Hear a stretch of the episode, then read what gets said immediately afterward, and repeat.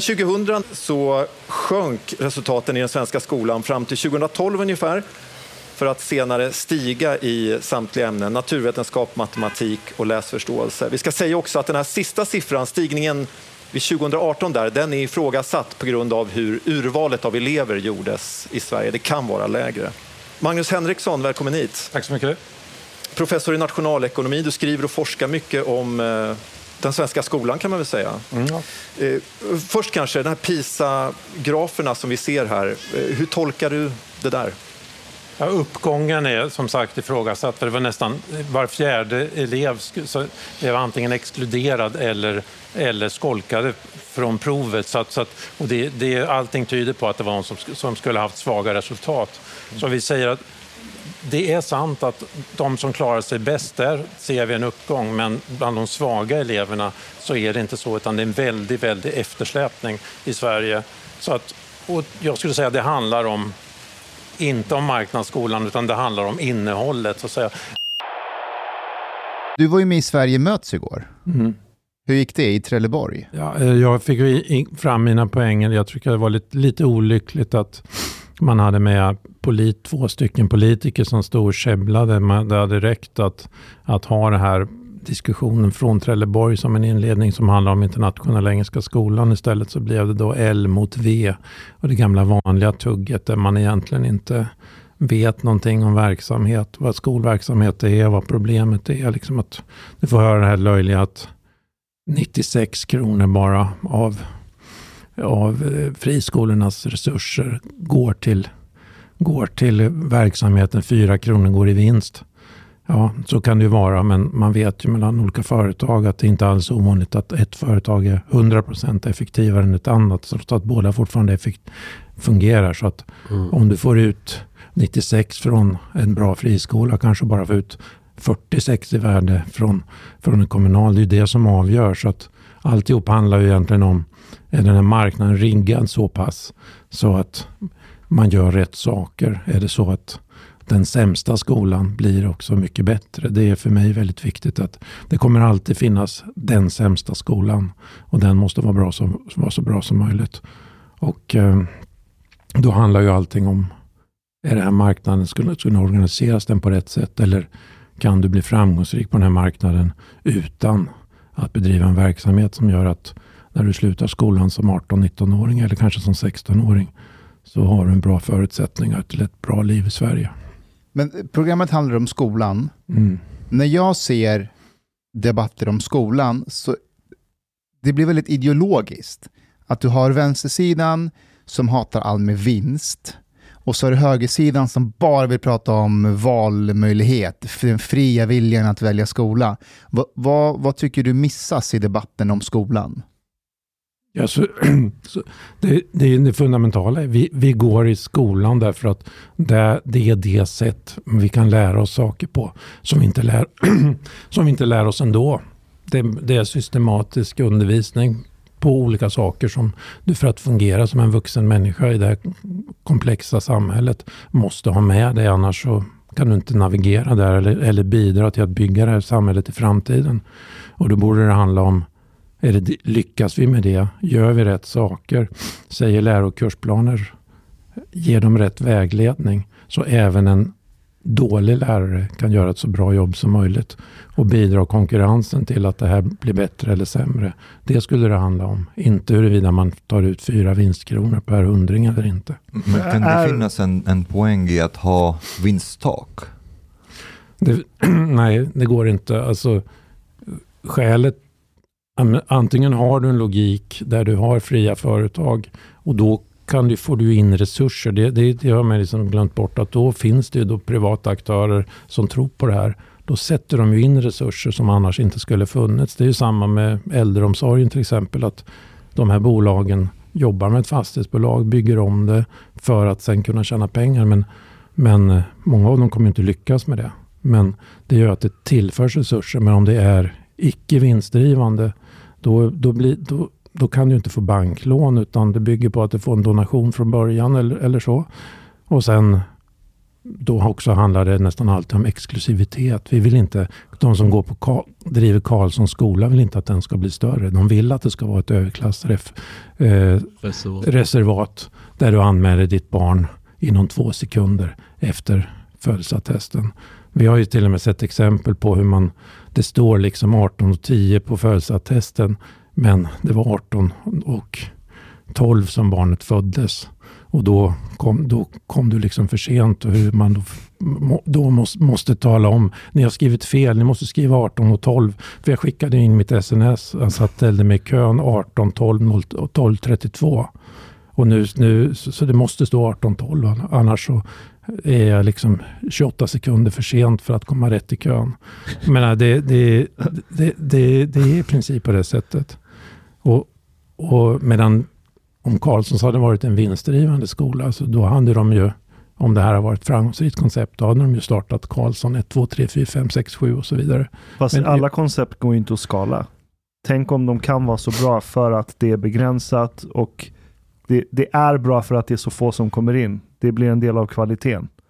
Just det, men det är därför det ska finnas både stiftelseskolor right. och vinstdrivande och kommunala, alltså och kooperativa så kommer de du, så, som gör att du måste förhålla dig till hur bra de andra är om det här är riggat, annars försvinner du. Så att, så att eh, det var ju tanken med det här kundvalet. Men, men eh, kan man så att säga bli framgångsrik på fel sätt genom att göra fel saker, då, då, då funkar det inte. Och det man glömmer bort här verkar ju vara att på 30, nu har det funnits i 30 år och borgarna har styrt 10 av dem. Det tog något år, första, första, deras första regeringsperiod, sen tog det något år innan det infördes och sen hade de åtta år, så det är max tio år och sen är det 20 år drygt av socialdemokratiska regeringar. De har ju faktiskt inte försökt att ändra, alltså skapar man någonting som aldrig har funnits i världshistorien så blir det ju inte rätt från början. Utan då måste man ju skruva på det här och se vad som inte fungerar bra och ändra. Men det är som att de inte ens vill att det skulle fungera bra. Trots att de har haft 20 år på sig att förbättra det, men de vill inte. Men är, är det det största problemet med svensk skola idag? Att det finns för lite friskolor eller för mycket friskolor? Eller finns det något mer fundamentalt problem ja, som går att lösa oberoende fri versus icke-fri? Sverige från slutet på 1860-talet så fick vi en systematisk kunskapsskola där man såg den enskilda eleven. Man jobbade systematiskt stegvis i ämnen som man läraren introducerade dem, man jobbade med dem, man hade läxor på dem, man repeterade, sen skrev man och gjorde arbeten och så vidare. Och det hade man fram till 50-talet. Vad hände då? Sverige blev, jag skulle säga kanske det bästa välfärdssamhället som världshistorien hade, hade skådat. Och eh, det hade ju inte blivit om vi inte hade byggt upp den här bra skolan. Det är liksom, det är, med dåliga skolor så blir man på sikt ett, ett dåligt land. Och, och eh, jag brukar säga, de, de, den läroplaner och kursplaner som vi har idag, om vi hade infört dem 1890 kan vi säga, då hade Sverige varit Europas fattigaste land och definitivt ingen demokrati. Men vad är det som skiljer det så, så, från 1890? Ja, det, det, det, det, som, det viktigaste det är synen på vad kunskap är och hur man lär sig. Och människor, det vet ju, alltså sunt förnuft vet man ifrån att man alltid vetat det. Men antropologer som har, vet ju att varför är människor som en art som kan ta över hela världen, forma den till någonting som är helt avviker från jägar-samlarsamhälle som vi växte upp i? Jo, därför att man kan överföra kunskaper direkt från den som kan till den som ännu inte kan. Man har ett abstrakt tänkande. Ja, men du har inte medfött utan det får du. Alltså så, när man kommer till, eller har kommit till, till eh, stammar, eh, ursprungsstammar som inte har haft kontakt med, med modern civilisation. De kan ju ofta, de kommer i regel bara räkna till fyra de kan inte tänka abstrakt på det sättet, men däremot är de extremt kunniga på detaljer i sin egen närmiljö och allting sånt där. Utan det här är någonting som, man är inte biologiskt, utan det här måste man lära sig. Och man lär det sig tillräckligt snabbt från en bra lärare som har förväntningar. Men i läroplanen står det att du ska själv konstruera din egen kunskap och då kommer du, du, du kan jobba stenhårt, du hinner ingenting. Du kommer ingen vart, nästan. Jag upplever ibland att människor blir dummare nu. Du, du är väl lärare på Handels? Ja. ja. Upplever du det att studenterna blir av sämre kvalitet årskull efter årskull? Det är ju många fler idag skulle jag säga som trots att de har toppbetyg inte behärskar skriva eller, eller analyt, tänka analytiskt utan skriva texter som man brukar säga, texter som svävar. Det är inte riktigt, de har inte riktigt deras egna tankar om de nu har några, har inte riktigt kontakt. Om de nu, om de nu har några. Har, ja, men det är ju, det är ju ett bekymmer att när jag, när, när jag började skriva våra första, upp, jag skrev mina första uppsatser, då var du tvungen att läsa på papper. Nu kan du göra cut and paste. Det är ju, det är ju väldigt bedrägligt. Okej, okay, nu hämtar jag där ett stycke så kastar jag in det. Och då kan du få det här att du får en uppsats där ett stycke som de har formulerat själva inte speciellt bra. Och sen kommer ett perfekt formulerat stycke som är hämtat någonstans. Och sen kommer, ja, då ser man att det... Ja, då ser man det som vari, variationen. Så att, så att, och, och, nu har man ju infört eh, paddor och datorer och sånt i, redan från förskolestadiet. Och det, det vet, menar, det finns folk här i Sverige, Sissela Nattli till exempel på Karolinska institutet som har skrivit böcker och massor med artiklar och att det här är helt fel. Och bra bevis för det är ju att de toppcheferna på Apple och Google och Amazon, de har sina barn i skolor där man har papper och penna och det finns inga devices. Och det, det är ganska lätt att förstå att de inte behövs därför att eh, du, även om du är pensionär, du, du, kommer få kontakt med iPads när du är 70 år, så kan du lära dig det. Det är helt intuitivt. Mm. Men att skriva en bra text eller hantera en hand, handskrift och sånt, det kan du bara lära dig egentligen. Det måste du lära dig när du är ung. Det är då du kan göra det. Du kan inte lära dig skriva för hand när du är 35 år. Det går inte. Du måste göra det när du är liten. Om vi stannar vid det här att man ska inhämta kunskap själv som elever. När introduceras den här idén och varför introduceras den här idén? Det är absolut ingenting som vi har kommit på i Sverige, utan det är som allting annat amerikanskt. Så att i USA så får man för sig det här att ja, det är någon slags, man kan säga någon slags romantisk syn, nästan som att den, det oförstörda barnet lär sig själv och då medan däremot den vuxne står i vägen för barnets lärande. Det, det, det, det, det, så du måste själv konstruera och det du konstruerar är naturligtvis präglat av dina erfarenheter och din uppväxt. Och då blir ju så att du kommer vi aldrig ha samma kunskaper. Och då så blir ju det här att läraren sen ska mäta dina kunskaper och betygsätta dina kunskaper. Det blir ju ett övergrepp. Eftersom han, och hon, han eller hon och du har inte samma kunskaper, för allt är ändå subjektivt. Så att egentligen kan man inte ha några betyg. Och det är därför de här människorna är emot betyg. Därför att det, det stämmer inte med deras syn på vad kunskap är för någonting. Och eh, det här erövrade kan man säga USAs skolväsende på 60-talet och det var nog genomfört på, på 70-talet. Och vad hände? Socialt svarta barn då, framförallt, det här drabbar pojkar mycket mer än flickor. Och fler svarta barn som var ändå på väg att inte komma ifatt, men på väg upp i förhållande till vita medelklassen och, och många lyckades ju liksom ta sig in i den också och bli etablerade. Vad händer sen när man inför det här? Då går det ner i källaren. Och nu ser vi ju att en väldigt stor andel av, av pojkar, eh, afroamerikanska pojkar som, som har extremt litet ordförråd och liksom har noll koll. Och, och det håller ju på att hända i Sverige nu också. Att, och, och det, medan däremot vad man behöver, det vet, det vet man att man har skolor med struktur, lärare som har förväntningar, lärare som faktiskt får pojkar om vi tar dem då, som, som får uppväxta eller får miserabla omständigheter hemma, så kan de ändå prestera. Bara man får chansen. För jag tror att idag så förstår alla killar att kan jag ingenting, så får jag väl, har jag ingen chans i det här samhället. För, för, när jag växte upp så fanns det fortfarande killar kunde säga, ah, jag skiter i att jag äter i allting. Jag, jag, jag bruket tar hand om. Jag kan börja som springchaufför och sen så kan jag alltid få något handräckningsjobb eller någonting på något bygge. Det fixar sig. Jag bara så länge jag har musklerna och kroppen i ordning så löser det sig. Men det vet ju alla idag att det är inte så. Men det här du säger nu och din vad ska man säga, kritik av hela skolsystemet. Hur många inom skolvärlden, lärare, rektorer skulle hålla med dig? eh, många, om jag får tala till punkt, skulle jag säga att, att väldigt många lärare gör det. Och, och eh, det är ju så här att om lärarna verkligen till punkt och pricka hade undervisat på det sätt som står i läro och kursplanerna, då hade det varit mycket, mycket sämre resultat. Det gör de inte.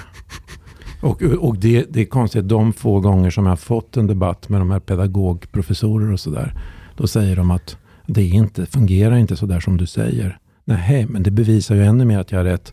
Det vill säga, det blir hyfsat om man avviker från det som står i lärokursplan. Och lärokursplan är faktiskt lag i Sverige. Det är en lagtext på 300 sidor. Så om jag förstår det rätt, lärarna måste bryta mot lagen för att eleverna ska lära sig något?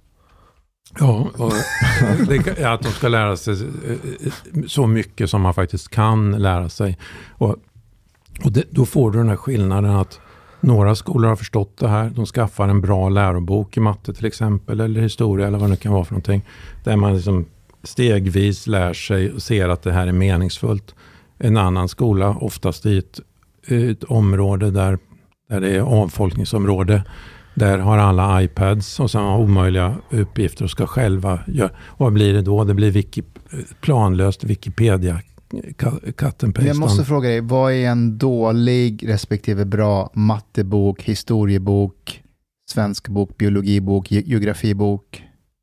En bra, det är ju så att det är ju liksom inget slump att olika ämnen existerar.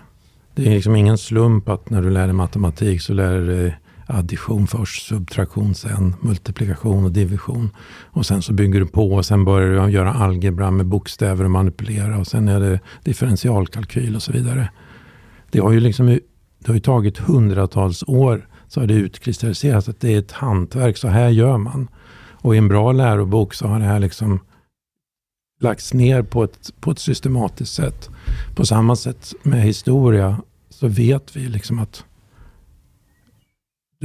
du, måste vara en kronologi. Du måste ha liksom en tid, tids, eh, vad ska man säga, en tidsaxel i ditt huvud där du placerar ut saker och ting. Om du sen, sen som man gör i Sverige när man läser in, historia, man börjar kritisera det och jämföra med hur det ser ut nu och vara kritisk och allt möjligt det slutar ofta med att du har ingen aning om till slut Gustav Vasa, levde han före eller efter Kristus? Förresten Kristus, när var det han levde? Ja, noll, var det? Nej, han föddes faktiskt år ett, inte noll. Det finns inget, mellan noll och ett finns det ingenting i vår tideräkning. Men har du inte det klart för dig, då går du på ett museum. Det är bara huller om buller allting som står där. Vad är etruskerna för något? Vad, är, vad, är, vad då romarriket? Vad fan var det nu igen? Caesar, vem var han? Jaha. Alltså, du må, för, sån, för mig är inte det här något svårt alls för att vi fick ju allt det här. Jag har hela den här kronologin. Det, det finns uh, studenter idag som har problem med det här menar du?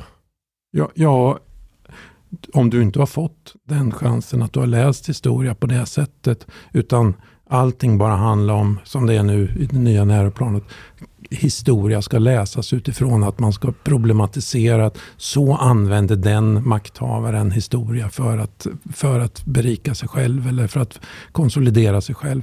Det kan ju vi göra eller det kan man göra kanske i slutet på gymnasiet eller som en liten del av, nu kan vi det här. Mm. Nu kan vi ju fundera på hur gjorde Gustav Vasa för att använda historieskrivning om Sverige.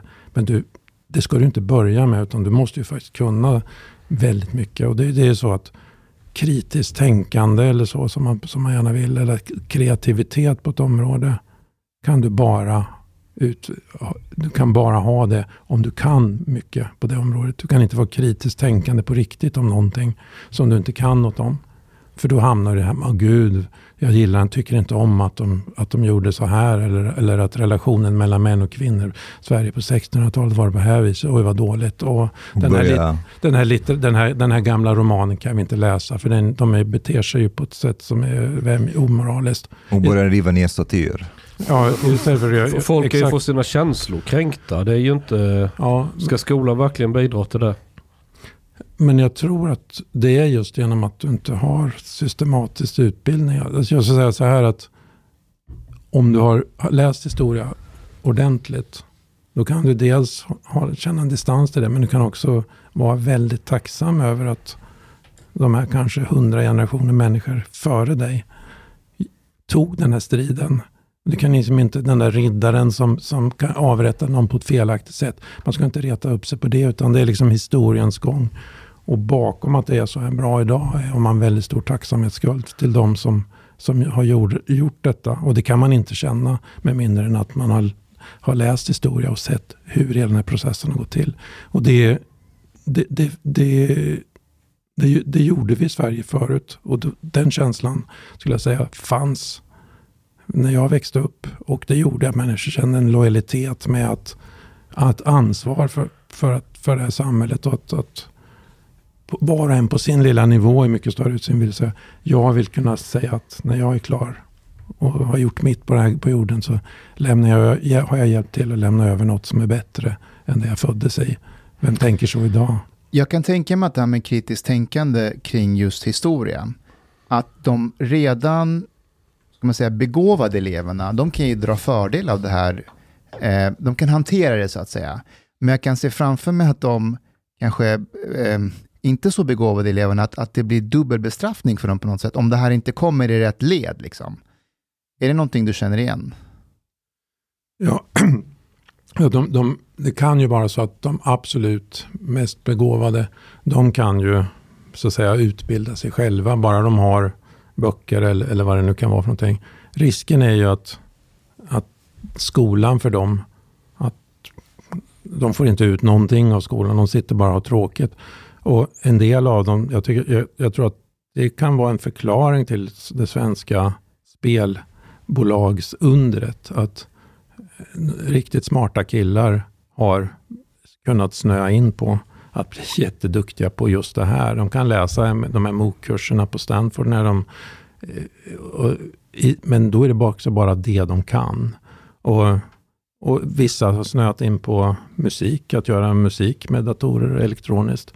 För där har de, och det är väl jättebra att de har fått utlopp för det, men de är ju bara, liksom, vad, vad kan de vara, en på hundra? De andra 99 då, som inte i många fall fick liksom med sig från skolan tillräckligt mycket för att kunna vara med och bygga samhället som vuxna.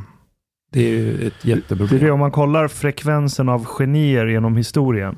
Så här, hur, hur, ofta har vi fått en Aristoteles? Hur ofta har vi fått en Plato? Eh, hur ofta har vi fått insert vilken stor uppfinnare som helst? Den frekvensen tenderar att vara typ samma oavsett. Eller så här, den har inte skalat med andel människor som har gått i skolan i alla fall. Nej, men att bygga ett riktigt bra samhälle kräver ju att, att de som är genomsnittliga blir så bra som möjligt. Eller rättare sagt, allra bäst att alla oavsett sin begåvnings, ut, sina begåvningsförutsättningar, oavsett hur stökigt det är hemma, så att, att man liksom ändå utvecklas så, så bra som det går. Det är den, och sen har du jämfört med Kina och Singapore, de här länderna som har traditionell undervisning på sitt sätt. Jag säger inte att vi ska göra som dem, men när de släppte loss marknaden. Jag var, reste runt i Kina 85 på budgetresande. Sen har jag varit tillbaka nu på senare år professionellt. Och det är en total chock. De kunde ingenting då. De hade ingenting. Alla cyklade och hade Mao-kostymer. Nu är de ju bättre än oss på nästan allting. Jag har en fundering. Eh, du, pratar, du tar upp det här med historielöshet. Mm. Idag såg jag att eh, Ingves varnar att räntan kan bli över drygt 4 procent. Vi har den största privata skuldsättningen någonsin i Sverige. Typiska medelklassfamiljen, mm. de är belånade upp till skorstenen och ökar värdet på huset så tar man ut ännu lite till för konsumtion och åker på utlandssemester eller vad det är. Och ibland när jag möter sådana människor så frågar jag dem, men såg ni inte vad som hände på 90-talet? Och väldigt många i min generation, de tittar på en och sen, vadå 90-talet, vad hände då? Alltså jag, jag köpte en, vi, vi, vi, köpte en villa i Mälarhöjden faktiskt 1993. Då var det 13, då, räntan var 13 procent på det här lånet. Mm.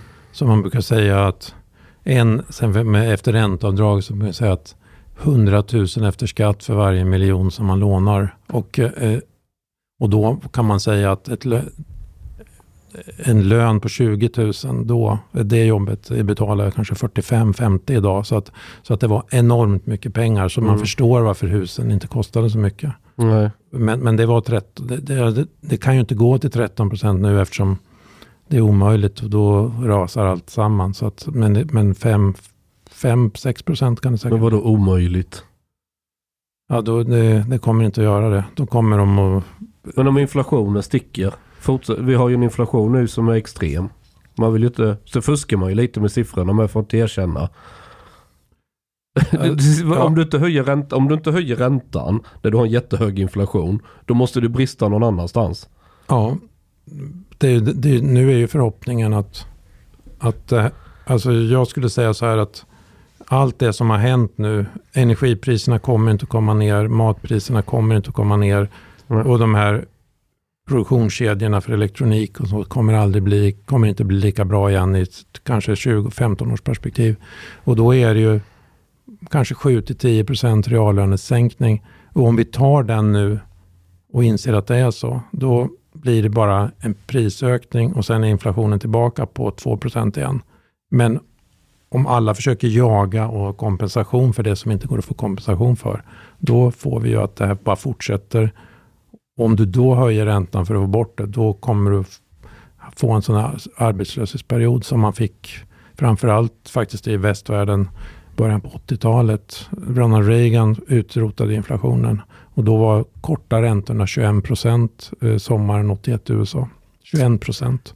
Och, sen, så att, så, och, och då fick så, man ju bort inflationen men det, det var en enorm utslagning för Så an, antingen så måste vi acceptera ett betydligt ökat klassamhälle för det är väl det vi får när, när vi, reallönerna sänks.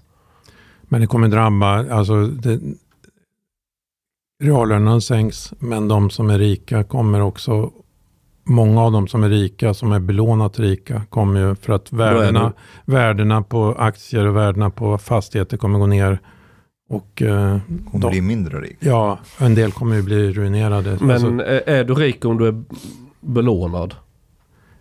Du är ju, om, om du har ett fastigheter som är värda 2 miljarder och en miljard i, i lån.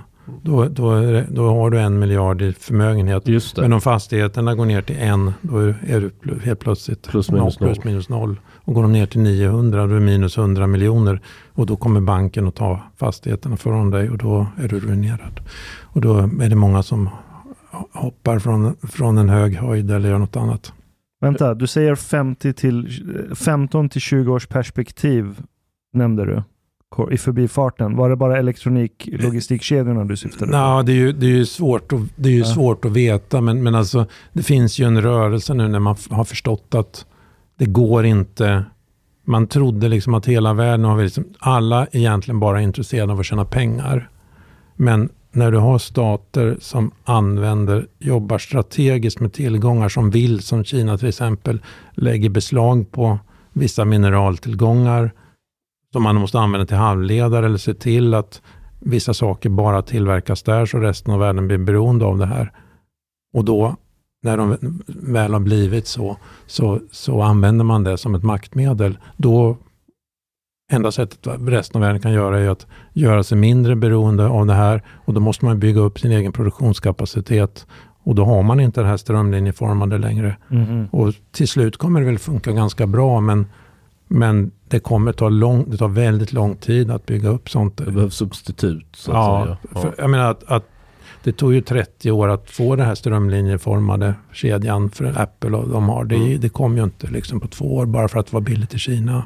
Det var en grej du sa som jag inte kan släppa riktigt. Det, det, det, det stör mig. In, in, inte att det du säger är fel, utan tanken stör mig. Du sa att om vi inte hade byggt det här skolsystemet som vi gjorde på var det, 1860, mm så hade inte Sverige varit en demokrati. Alltså vi, vi, nej, vi ser, vi, alltså att vara demokratiskt sinnad, att, att det inte går... Jag säger så här, att vad handlar politik om? Det handlar om att sälja in olika teorier om vad som gör världen bra för dig. Den ena är en marxistisk teori, ultraliberal teori, mittemellan-teorin. Och eh, om människor inte kan någonting, vad är det som, då, kan ju, då kan ju Mugabe sälja in sitt eller Saddam Hussein kan sälja in sin vision och folk köper det. Sen måste en, eh, värsta diktatorn måste ändå på något sätt, ett, han måste, eh, måste betala ett antal personer nära sig som, som tjänar på det här. Men folket måste, det får inte bli hur dåligt som helst för folket för då åker han ändå. Så, så Putin överlever inte eh, eh, en svältvinter i, i, i Ryssland. På samma sätt Mugabe överlevde inte liksom, hur, vilket van, vanstyre som helst. Nordkorea då? Ja, Nord, det är det extrema exemplet där, där det är obegripligt. Det är, det är, svårt att förstå hur det går till, men på något sätt så, så, så har man lyckats. Men, men äh, även Kina, liksom att man, man öppnade upp. Men nu har man ju det här konstiga med att, att det går med modern teknik. Det är ju något helt nytt. Att faktiskt ha 700 miljoner kameror, eller vad man är uppe i. Och inte bara ha kamerorna och fotograferar, utan de klarar också av att informationen från kamerorna används på bråkdels av en sekund för att styra dig så att du inte går, över, går mot röd gubbe till exempel. Så att i, i, i Shanghai så är det så att går en Shanghai-medborgare mot röd gubbe så tar det bara någon sekund. De har sett vem du är, de har gått in i databasen, identifierat dig och sen står det på en skärm, Li Pew eller vad han heter. Du går nu mot röd gubbe och förlorar så här många poäng ungefär. I Social ditt, credit score. Ja, i mm. ditt credit. Svårt att ha shotas där. Ja, men jämför det, alltså denna tekniska förmågan att bygga det här systemet. Titta på svenska polisen, kan, vad de klarar, klarar liksom inte, var de ligger på teknik. Tänk vad Morgan Johansson hade kunnat göra med det systemet i Sverige. Ja. Jag vet inte om jag, jag vet, vill vi tänka på det? Nej, men det var, det, det var lite avskräckande exempel. Men, men, om vi går tillbaka till, eh, till räntan. Det, det, är många som säger till exempel att eh, Federal Reserve har väntat för länge med att höja räntan. Och samma sak här med Riksbanken. Ja, jag, min uppfattning är ju att det har varit goda, goda tider med så att säga 2% inflation och sen så har löner, löner och kostnader stigit så att reallönerna ökat. Så det borde varit en 3-4% i ränta tidigare. Mm. Och då hade du inte haft, hushållen haft 200 procent av sin inkomst efter skatt i lån nu.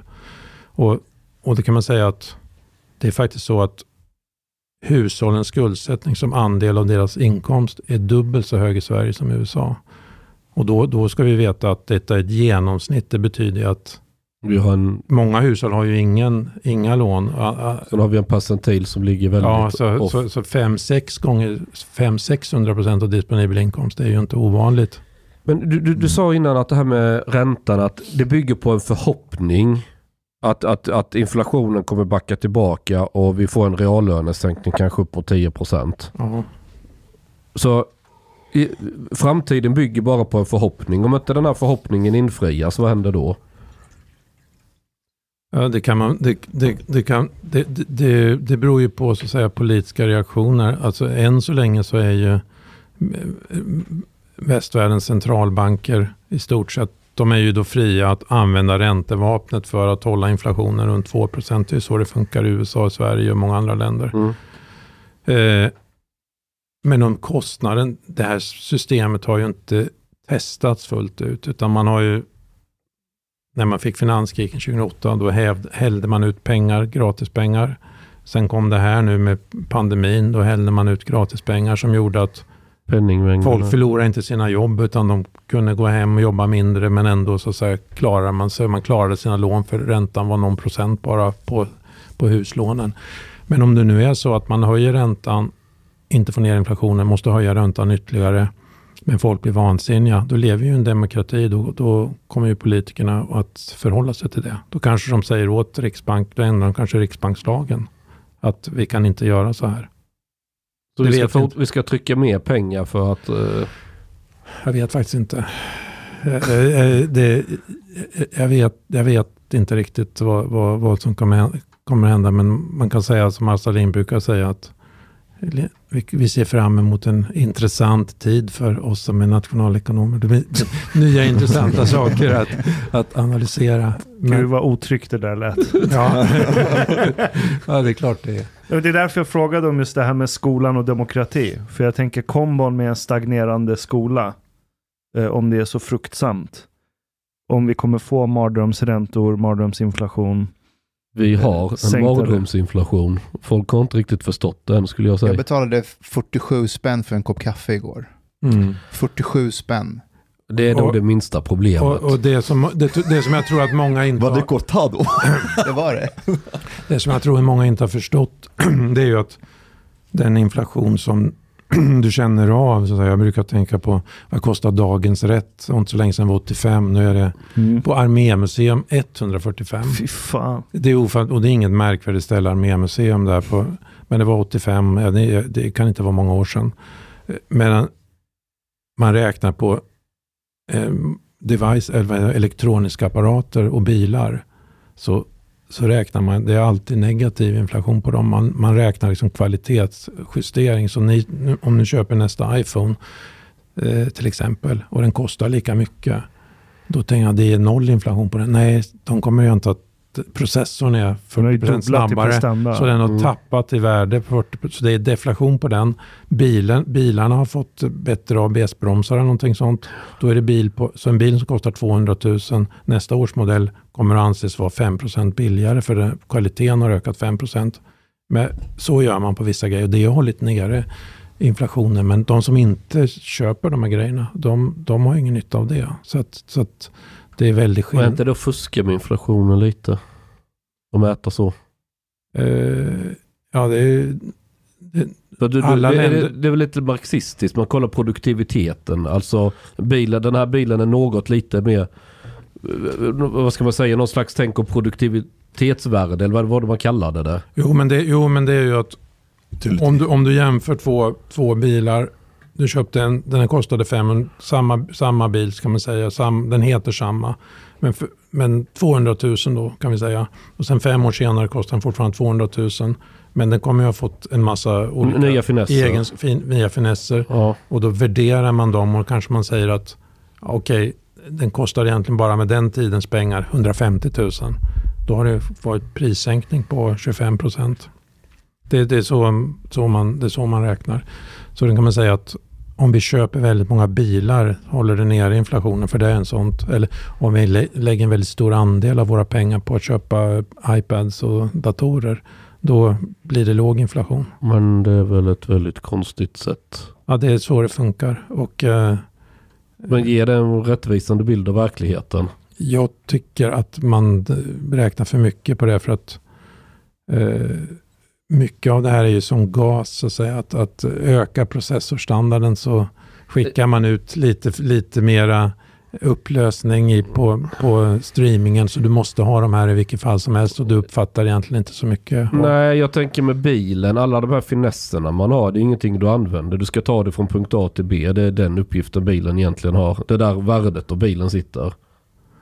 Uh, ja, det kanske. Du menar att du köper det här och, och säljaren håller på att fippla med det och du blir impad men sen så använder du inte ändå. Sen. Jag har nog 300 finesser i min fläskmärsa som jag ens inte vet om att de finns där. Nej. Och den funkar precis lika bra som min Impala från 65 när jag ska köra den. Och den saknar allt vad finesser heter. Ja, fast, fast om du, om du krockar 100 km i timmen gör de inte det. det, så det, det den får i alla fall ge. Ja, det, ja. ja, det kan, det kan jag... Du har inte ens bilbälte Det kan jag köpa. Men, men är den... Att jag överlever en krock i Mercan jämfört med Impalan. Betyder det att vi kan räkna en... Alltså om, om, om du skulle med den modellen få mäta inflation. Då är ju Mercan då har vi haft en deflation på bilar med kanske 80-90% jämfört med när Impalan såldes. Ja. Men är den skillnaden så stor bara för att Impalan inte är lika krocksäker? För det är den enda mätbara skillnaden jag kan se. Och sen lite bränsleeffektivare förstås. Ganska mycket va? Eller? Nej, så stor är den Nej, så stor är den inte som folk tror. Uh, den är kanske, massan är kanske 20% bränsleeffektivare. 25. Bara? Ja, större skillnad är det inte. Du sa ju att det kostar tusen spänn att ta Impalan från Bålsta till stan. Ja, men nu, nu, nu pratar jag om normal Impala. Nu har jag trimmat skiten och denna. Men det kan du inte räkna in okay, här. För att, okay. ja, men skulle jag ha den med originalmotor. Fattar. Eh, så skulle den dra kanske 1,3 liter milen. 1,2. Mm. Ja, medan massan ligger på 0,9. Båda väger ungefär lika mycket. Alltså bränsleeffektiviteten på förbränningsmotorer på 50 år har kanske blivit 10-15% bättre. Mycket mer än så är det inte. Kanske upp mot 20 om du... Men då är det inte motorn. Då är det resten av bilen också man har jobbat med. Men, men, det som kanske för de flesta människor är, är, en större grej, det är ju att det här att priset på bostaden, att har, köpa en bostad, mm. har gått upp så mycket. Det är ju ändå så att jag, jag, gjorde en beräkning 2017 så hade jag faktiskt ett föredrag på Nationalekonomiska föreningen, det var på Handelshögskolan, så att jag räknade ut en, en 40 kvadrats lägenhet i Vasastan då. Och så jämför jag priset då, 2017, med 1994. Och sen så finns det serie på industriarbetarlönen, genomsnittlig industriarbetarlön. Och sen tog jag liksom efter skatt. Då var det 1994 fyra industriarbet årslöner för industriarbetare. Mm. Men 2017 var det 16 årslöner. Så att om du jobbade i 32 år om så orkade så kunde du köpa kontant och inte använde pengarna till någonting så kunde du köpa 80 kvadrat på allt, all lön du hade på 32 år. Mm. Eh, Okej, okay. men samtidigt är det så här att om du lånefinansierade alltihopa så var det ändå mycket billigare per månad 2017 än vad det var 1994. För du kunde liksom låna, om du lånade alla de här pengarna så var det som ränta efter skatt, efter ränteavdrag bara någon procent. Medan med 94 så var det efter skatt 9-10 procent. Och då, då räknar inflationsmässigt som om det är billigare. Eh, som det är billigare 2017 eftersom, eftersom räntekostnaden och så har gått ner. Men nu kommer ju det gå i motsatt riktning. Nu, nu kommer boendekostnaden på riktigt att öka för då räknas det som räntekostnad. Men där har du ju ett inbyggt problem. Det är ett ja. cirkelresonemang därför att du, du, du, du räknar inflationen på en siffra som beror på inflationen. Räntan beror ju på inflationen. Ja, kan man säga. Ja, så, så när du mäter inflation så utgår du ifrån ett ränteläge som möjliggör det här billiga boendet. Alltså du kan låna jättemycket fast med jättelåg ränta. Det, det, det är ju som att bygga en finansiell bomb ju, och räkna ja, på det sättet. Men det är ju därför det är så farligt med att du bygger upp väldigt stora skulder som backas upp då av tillgångar som är högt värderade på grund av att räntan är låg. Och, och, stiger räntan, då stiger dina räntor, men också den säkerhet du har i form av ett hus eller aktier eller vad det är för någonting faller i värde så du får liksom dubbeleffekt. Ja, för att rent matematiskt blir det extremt volatilt. En ränteökning får ju mycket större effekt i de här kalkylerna än vad det eh, först ser ut att bli. Därför att om, boende, om, om du styr inflationen från boendekostnaden. Ja. Alltså du räknar inflation och så tittar du på boendekostnad och så, ränta, och så höjer du räntan lite. Men du ökar boendekostnad, då accelererar inflationen också. Mm. Och, då, mm. och då måste du höja ännu mer och så blir det självförstärkande effekt ju. Ja, därför är förhoppningen att Förhoppningen. Att, att en ganska en modest höjning som inte... Men, men vänta lite, men, kolla, jag är ingen nationalekonom på något sätt. Men Nej, det är du inte. Idiot, men Käften Mustafa. En idiot som jag fattar ju att det här, det här, är, det här är ju väldigt, så här kan du inte räkna. Det, det är livsfarligt att räkna. Har det inte funnits någon kritik mot att... Jo då, det finns det. Men de som, det, det blir ju väldigt ofta så i olika branscher att de som verkligen håller på med penningpolitik det finns alltså 75 stycken med doktorsexamen på, på, i nationalekonomi från fina universitet och fina avhandlingar som jobbar på Riksbanken i Sverige. 75 stycken minst. Ja. Det var 75 sist jag räknade flera år sedan. Och de har ju som samma, i stort sett samma modell i sin skalle. Och eh, ofta, det kan mycket väl vara så att den kommer från, från något ställe som utvecklades intellektuellt i MIT eller Harvard eller någonting. Som sen sprider sig över världen. Och så har det fungerat i 30 år men sen så... Så smäller det. Sen, sen kanske inte fungerar. Men det, så, så kan det mycket väl bli. Och då kommer då är det som någon som har sparkat sönder myrstacken. Och sen så får man jobba och bygga upp myrstacken igen. Det, det kan mycket väl bli så. Men, försöker man inte liksom hitta de här problem, problemen innan det smäller? Ja, men det här liknar ju, det här liknar ju på samma sätt att eh, jag kan ju inte nå fram, om du tar på skolområdet det vi pratade om innan. Där är ju alltså 200, över 200 professorer i, i, i pedagogik eller utbildningsvetenskap som de kallar sig för. Som undervisar alla blivande lärare i det här andra syn, det synsättet som slår ut framförallt killar från, in, från hem med, med lågutbildade och de bara fortsätter att säga att medicinen är rätt, men den, är för lite, man får för lite. Man måste få mer av den här rätt korrekta medicin. Ska trycka ännu mer pengar. Trycka ännu Kvantitativ ja. Och, och, de, och, jo, men alltså de här pedagogerna äger ju de äger, de äger den här kommandohöjden.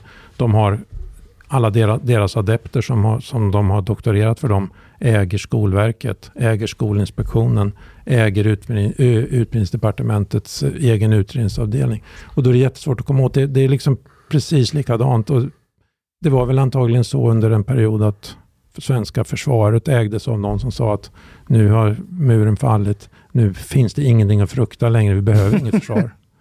Och, och det, den som sa någonting annat var en tråkig dysterkvist och det förstår ni väl att ryssar är som vi, de kommer inte tänka i några nationella termer att de Storryssland utan de kommer alltid och nu bara vilja tjäna pengar. De kommer pengar. aldrig sakna Sovjet Nej, nej, de kommer, nej, inte.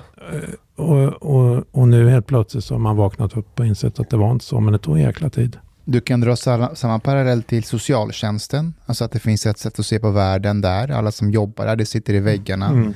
Och att du vet, man kan sitta och prata sig hes om problemen där, men när det sitter så djupt hos medarbetarna, hos cheferna, hela institutionen, då är det jättesvårt att komma åt det. Alltså man kan, politikern säga att vi ska omhänderta fler barn och placera dem hos familjer och så här. Ja, men om inte medarbetarna själva tror på den idén och tycker att det är för hårt. Det är väldigt trendkänsligt mm. här. Alltså det är, det är straffet för att inte vara hipp och med i svängen är jävligt brutal. För jag kommer ihåg Eh, det var en period när hela Sverige höll på med, och nu är jag citattecken i luften, digitalisering. Alla skulle hålla på med digitalisering. Och jag föreläste på alla de här konferenserna, på alla de här mötena.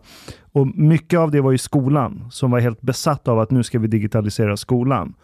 Och jag kommer ihåg vad uppfattningen där, det var att så här, ja, vi kommer från en historia med papper och penna, men nu har vi iPads och tangentbord.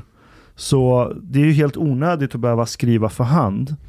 För att nu kan du göra det på datorn och stavning, det är ju ganska onödigt för du har stavningskontroll. Eh, och så kom hela den här hetsen med att man skulle ha iPads och iPhones och laptops i skolan. Oh. Men vad de inte fattar, det är att det är som den här stammen du berättade om. Att de kan räkna typ till fyra. Oh. Och, och, vi vet ju att om du inte lär dig att prata ett verbalt språk innan du är typ sju, så kommer du aldrig kunna lära dig språk. Nej. Ever. Eh, och Det verkar som att det finns ett fönster av plasticitet där din hjärna hinner absorbera något sånt här som ja, men, räkna, skriva, läsa. Eh, och, och det är att om du inte lär dig ett fonetiskt alfabet ordentligt innan du är typ, säg 7-8, så kommer du inte lära dig att tänka abstrakt. Och det går du miste om. Nej, nej. Det... Totalt.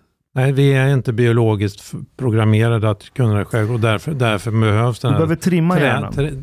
Och och det, det, konstiga är ju att de som säger att du kan göra det själv, eh, men alla säger att den som blivit bra klassisk pianospelare, det kan, eller violinist, det kan du bara bli om du har den där läraren som vet precis hur man steg för steg för steg lär ut och automatiserar så att du inte behöver tänka. Kan man inte bli violinist av att läsa Wikipedia?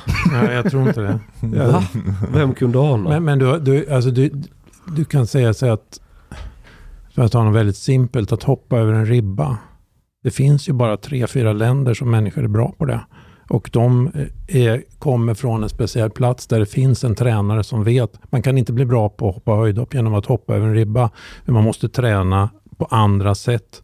För om man hoppar, hoppar, hoppar så kommer man skada sig och gå sönder.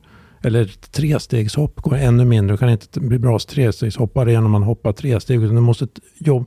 Och det är bara på några få platser i världen man vet hur man lär ut detta. Och det måste göras på ett, på ett speci väldigt speciellt sätt. Och, och, och, Det är klart att det är likadant med allting som man ska bli bra på. Som inte vi har bara biologiskt självklart medfött med att bara, bara lära oss. Och, och, och det här är så konstigt och den här dumma idéer överhuvudtaget har fått sånt genomslag. Det, det, det, det, det är det vi måste kämpa emot. Och alla förstår det när man, om jag får prata till punkt så där så, så ja just det, det har du rätt i, det stämmer. Ja, just det, Patrik Sjöberg, varför blev han, slog han världsrekord i höjdhopp? Jo, därför att han råkade få en styvpappa som visste hur man gjorde någon person till världens bästa höjdhoppare. Sen var han, sen var han inte snäll på andra sätt har det visat sig, men det, det är liksom det har inte med det här att göra just nu. Men, men det jag inte fattar hur så många kunde missa, alltså just med läs och skrivkunnighet i det här landet, det är att ja, men nu kommer iPads och datorer, så framtidens barn, det är de här sakerna de måste lära sig för att kunna klara sig. Och då tänkte jag att men alla de människorna som uppfann hela den här internetrevolutionen, alla Bill Gates och Steve Jobs, de blev ju skolade i en skola med papper och penna. Ja. Så bevisligen behöver du inte iPads i skolan för att kunna bli en Steve Jobs. Nej, han gick ju till och med kalligrafikurs och då var man verkligen tränat sig med, med, med händerna. Så att, så att, han, han använde inte ens deodorant. Han, han, var knappt en del av civilisationen. Men han lärde sig läsa och skriva. Jag kan känna att jag identifierar mig med Jobs här. ja. När vi tittar på Riksbanken och alla de här, man ska mäta inflation och försöka få en övergripande bild av vart ekonomin på väg och vad kan vänta runt hörnet så tänker de alla ungefär likadant. Och som, som jag sa, det här med inflationsmåttet är extremt volatilt eftersom den pekar tillbaka på sig själv. Det vill säga, gör du en justering så kommer den bli självförstärkande. Och det är ingen kritik mot det, man har inte velat tänka på annat sätt. Då har man ju med en skock finansiella idioter att göra. Alltså, 2008 när det small, det var ju massa människor som förstod att det skulle smälla. Men ingen ville lyssna på dem. och där hade ju, du kan säga att det smällde ju del för att eh, George W. Bush bestämde att alla människor skulle ha rätt att äga sitt hem, även de som inte, ka- inte, betala för- inte ja. kunde räkna, inte kan betala, inte hade ansvarskänsla, in, inte hade tillräcklig inkomst. Och sen stat, skapade de här Fannie Mae och Freddie Mac eh, statliga, helt säkrade institutioner som vräkte ut de här pengarna och sen kanske gick via mellanhänder med, med privata företag som sen, sen i sin tur eh, strimlade upp de här riskerna på ett sätt så att personer som satt och, han, och placerade för någon delstat i, i Tyskland eller någonting sånt inte förstod vad de gjorde. Mm, de visste inte vad de köpte. De visste inte vad de köpte. Och alla sen bara, och, och det är så det ofta tyvärr är med eh, statliga eller offentligt anställda byråkrater. Det blir ofta så att för dem blir det väldigt viktigt att man kan säga att, att eh, jag har ryggen fri. Om alla, om alla gör likadant Om alla gör samma så, fel så, så, så, okej. är, så kan du aldrig bli, bli, råka illa ut. Har du sett The Big Short? Ja, ja, ja. Vad tyckte du om den? ja, det är väl rätt så bra. Alltså det Är är, den accurate? ja, det tror jag. Ja. Det tror jag i hög grad. Eh, Ja, jag tycker att de framställer finansfolket som lite väl intelligenta. I den av dem jag har mött så är det faktiskt nästan ännu värre. Men det som är så, sorgligt faktiskt med finansfolket i USA, det är ju alltså att the best and the brightest, de som går egentligen teknisk fysik på MIT, de som tidigare gjorde nästa generations bilmotorer eller vad det var för någonting, viktiga grejer, de, en stor andel av dem gick till Wall Street istället och tillverkade de här instrumenten som sen lurade, som dribblade bort riskerna. Så att det såg ut som var och en tog lagom mycket risker. Man förstod inte att man byggde upp risker i hela samhällssystemet eller hela, hela västerländska ekonomiska systemet. Så att då är det som väldigt intelligenta människor som, som gör fel, fel eller använder sin intelligens felaktigt, men får väldigt bra betalt för det. Ett bättre mått på inflation det är väl att titta på produktivitet. Ja, ja. Har den ökat då? Alltså jag tänker vår ekonomi har ju växt på pappret. I, i, i kronor och ören. Ja. Men är inte det väldigt stor del bostadspriserna som ökat i värde? Ja. Men för produktiviteten har väl inte ökat? Alltså det är ju inte... Oh, det, tycker, alltså det, det tycker jag att den har gjort. Alltså jag är förvånad över att, att den har gjort det så pass stor utsträckning som den har. Men, men Vilken Alltså, hela- produktivitet har blivit bättre?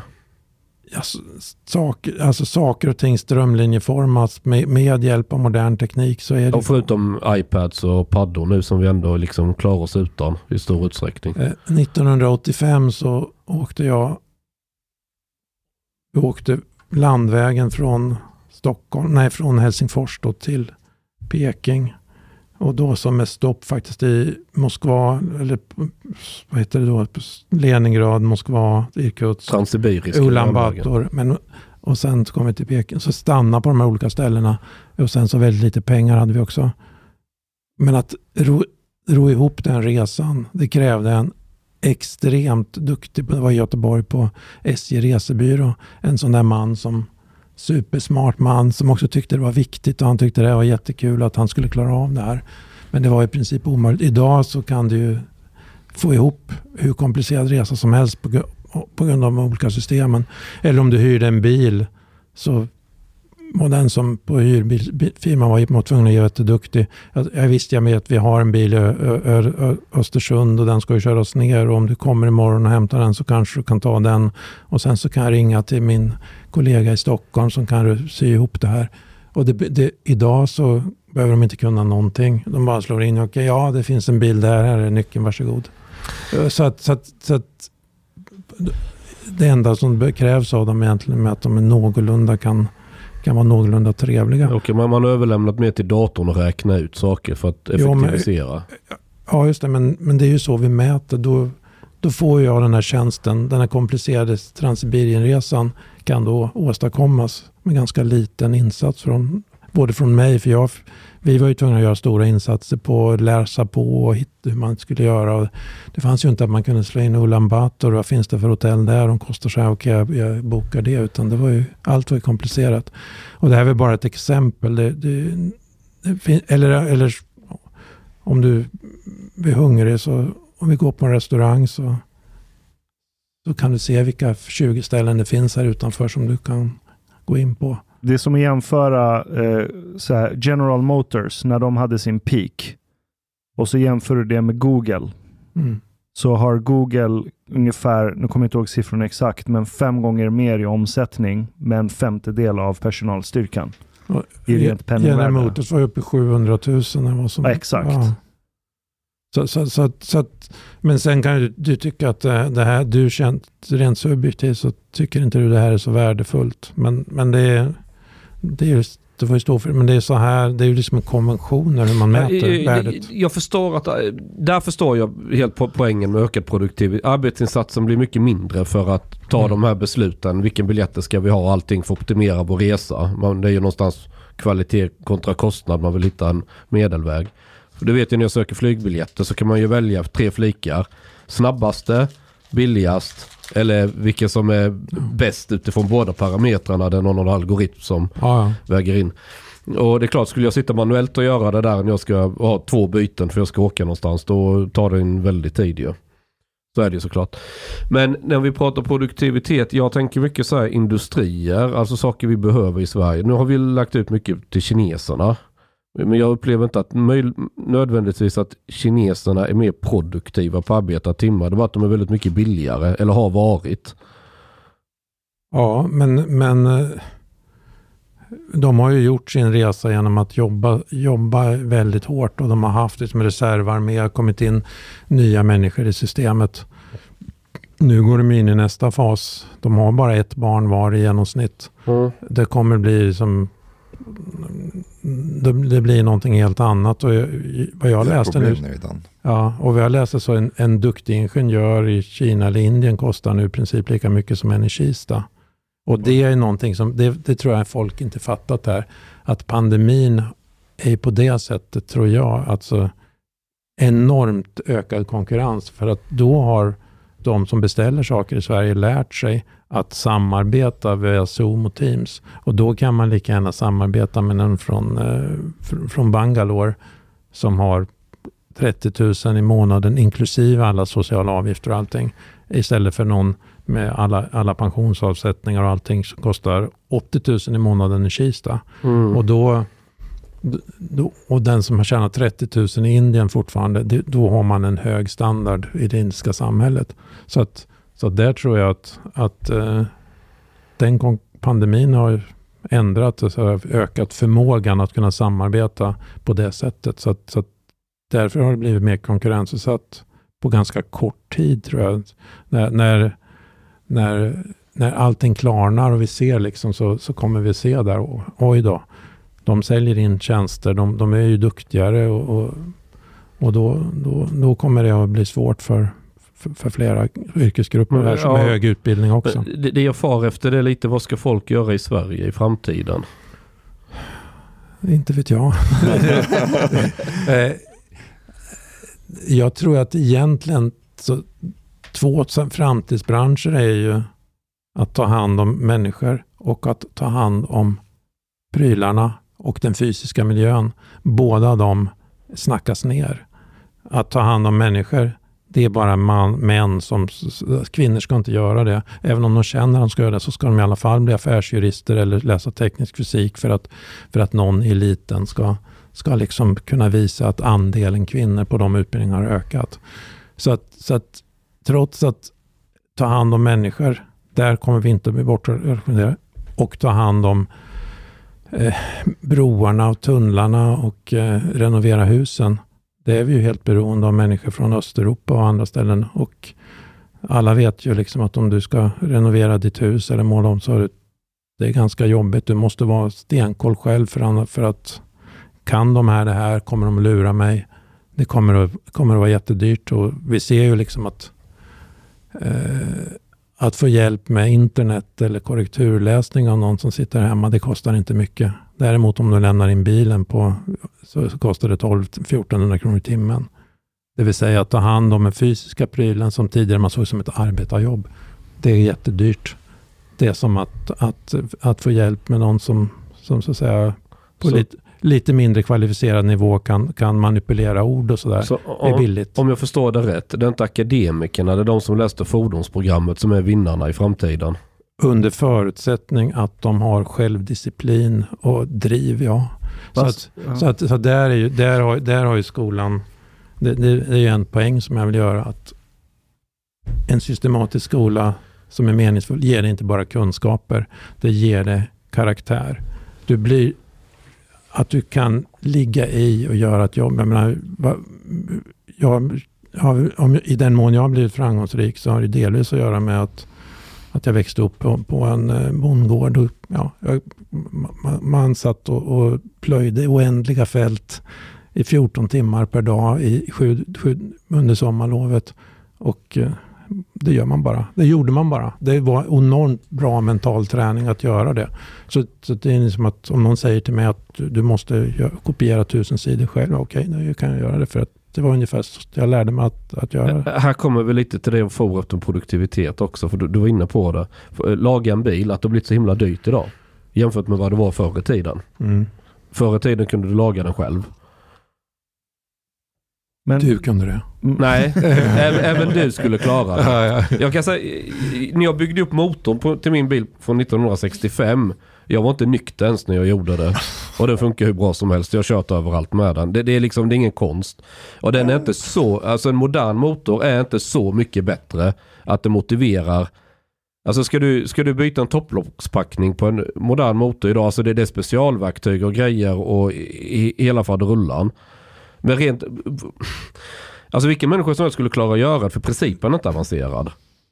Nej, nej. Jag skulle kunna lära dig på tio minuter så hade du fått stått precis hur, Chang, hur det ska gå till. Du, du, du, ser människor och världen från dina egna glasögon lite. Nej, nej jo, det gör jag inte. Att du har ett motorintresse betyder nej, inte att du, andra du, har det. Du missar en sak. Om du backar 30 år och åkte till macken, då kunde du köpa alltså de flesta fläktremmar Om du kunde köpa fläktremmar, alla sådana här grundläggande saker som skulle kunna behöva bytas i en motor. Och folk gjorde det själva. Fast jag har en invändning här. Jag, jag, jag hamnar av diverse skäl på eh, näringslivskonferenser och inte allt för sällan med politiker som ska diskutera hur Sverige ska mm. ja, men hamna på kartan igen och bli ett produktivt land. Och de delar ju inte alls den bilden som du har.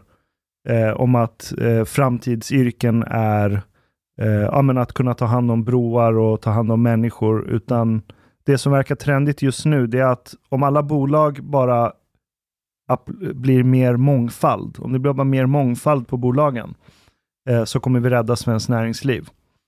Eh, och du har ju skrivit en bok. Vilken då? Ehm, du har skrivit många böcker. Hur många böcker har du skrivit förresten? Jag vet, 25 kanske. Okay. Ja, Men en av dem? Ja. Eh, eh, en av dem, vägar till ökad jämställdhet ja, i svenskt näringsliv. Det, den, ja. Mm. Eh, det är den jag syftar på. Um, finns det något liksom inbyggt gott syfte i att sträva efter mångfald i det svenska näringslivet? Och vilka parametrar ska vi titta på när det gäller mångfald? Finns det något vetenskapligt belägg för det överhuvudtaget? Okej. Okay. Du har lyssnat så här långt. Pozista måltid. En mycket fin radioprogram i Sverige. Du tycker det är mycket trevligt. Men, min vän, lyssna på mig nu. Du har inte betalat biljett på klubzista måltid. De harblate grabarna dom behöver pengar. Flis. Lax. Stolar. Dirabilar. Lyxhotel. Du vet. Då måste du betala om du ska lyssna mer. Du får gaflera wsnit avsnitt också. biudande helt enkelt. Läs i beskrivning för avsnitt, där det finns information för att bli medlem på klubzista måltid. Det kostar som en mycket liten kaffe latte ute på torget. Per månad. Lätt som en plätt. Tak, min vän.